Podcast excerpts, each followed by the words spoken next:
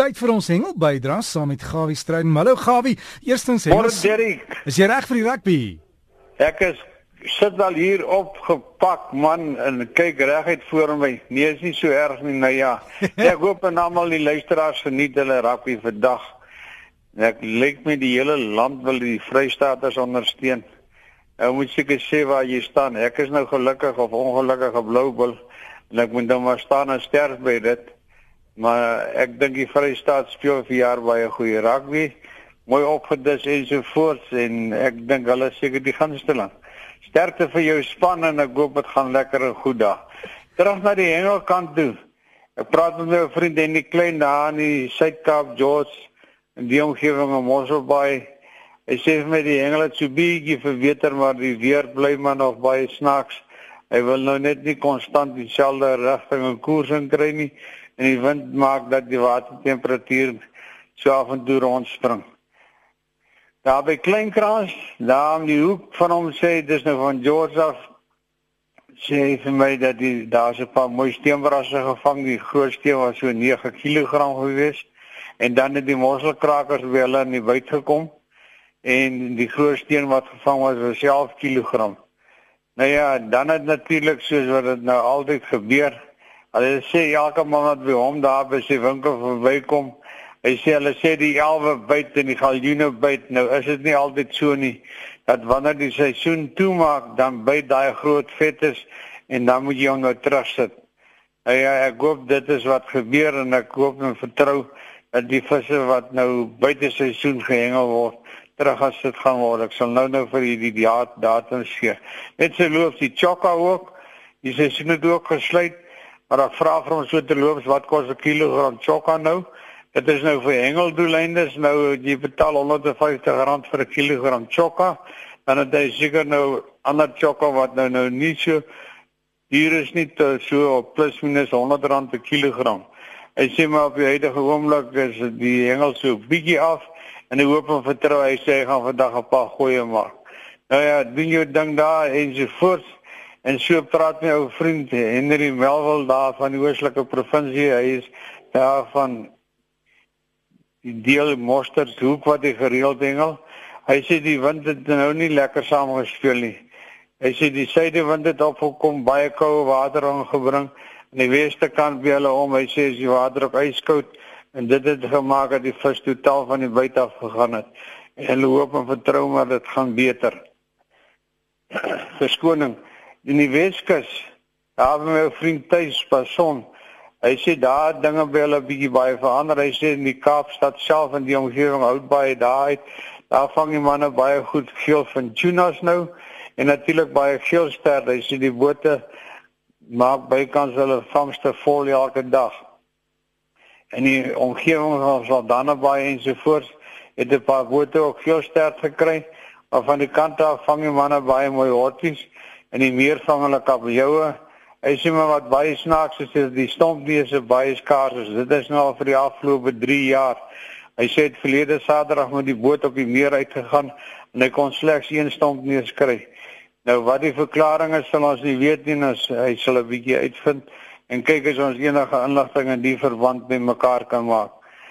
Nou hulle het vandag 'n tweede kompetisie hulle is op pad daar na die deel toe wat hulle noem vark en vlei en ek hoop en vertrou dat hulle daar tussen daai skerpbankies en klippe die regte visse kan kry maar ek verstaan dat die padvisse reeds in die gang gekom en ek hoop hulle kan 'n paar mooi groot blou pyle sterte ook sommer in die hande kry. Sterte tuis vir jou en jou span en jou klap en jou mede-hengelaars.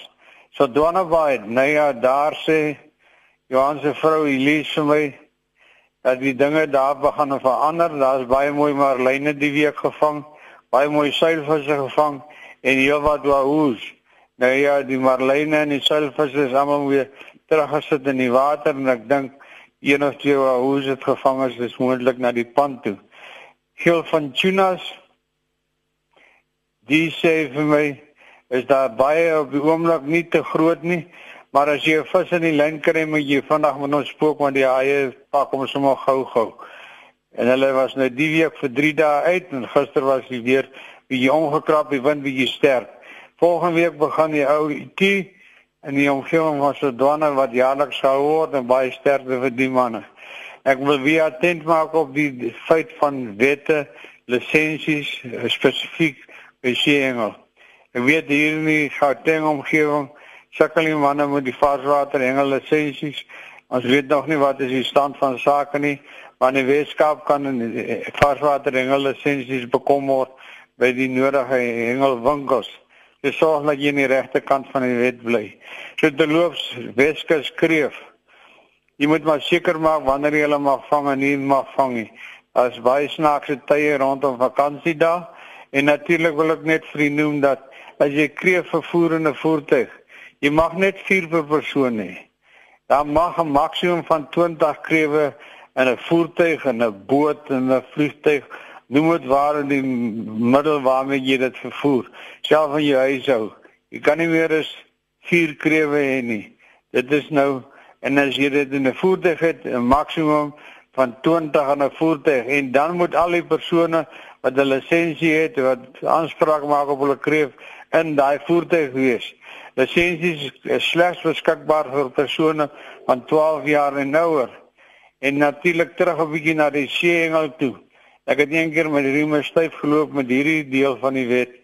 En dit is as jy 'n vis vang, jy kan hom oopsny, sy binnegoed uithaal, skoonmaak en krap maar sy kop en sy stert moet aanbly. Dit is sodat die beamptes is daar 'n minimum lengte op die vis van toepassing is dat hulle dit kan bepaal wat is die minimum lengte van die vis en as hy voldoen aan die vereistes. En natuurlik vir sportengel mag jy vis nie verkoop nie. Baie belangrik. Jy kan nie besluit jy verkoop 'n deel van jou funksie. En natuurlik dan is daar hoeveelheid spesies wat jy kan vang. Aantal die aantal vis in die besit is 'n maksimum van 10. Daar sekere spesies wat geen beperking op het nie en dit is dit uitgesluit. As jy met 'n skieboot dingel, dan is kabeljou baie belangrik. Hulle maak spesifiek attent daarop. Skiebote. Dit is nou maksimum van 5 met 'n minimum lengte van 500 en dan mag slegs een wees wat langer as 110 mm is en dit is in Kapagallas tot by die Utumwuma rivier. KwaZulu-Natal maksimum van 5 met 'n minimum lengte van 40 cm en as jy van die kant af hengel in die Weskaap daar by die suidelike punt by Struisbaai Kapagallas daar as jy regs omvang kan jy 5 kabeljoue vang minimum lengte 500 mm En as jy na die ooste kant hengel eh, van Kapagallas, dit is nou daar KwaZulu-Natal en die omgewing tot daarom, dan mag jy slegs een kabeljou hou. En die minimum lengte is 600 mm. Dan wil ek net weer laasens attent maak. Ek het verlede week 'n bietjie gesels oor die artikel in die stywe lyne wat geskryf is deur Mani Kombrink. Dit is 'n baie goeie artikel omtrent die karp en die moddervis en die grootbek skil eh, die grootbek uh swartbaars en die kleinbek swartbaars dis baie belangrik dat die kennisneming van die wetgewing bestudeer dit lees dit kry die nodige inligting en kyk watter vis mag jy terugplaas in die water en watter nie geniet jou raak weer lekker dag en stywe lyne van die wat gedengel liefde groete gawie Baie dankie aan Gawie Strydom. Gawie sê hy was op sy dag nou regtig 'n groot rugby ondersteuner, het selfs oor see gaan toer saam met die ouens net om daar te wees vir die groot wedstryde. Maar dit was dan ons bydra en as jy wil inligting stuur vir Gawie, hier is sy e-posadres. Gawievis. Skryf dit as een woord, gawievis by gmail.com.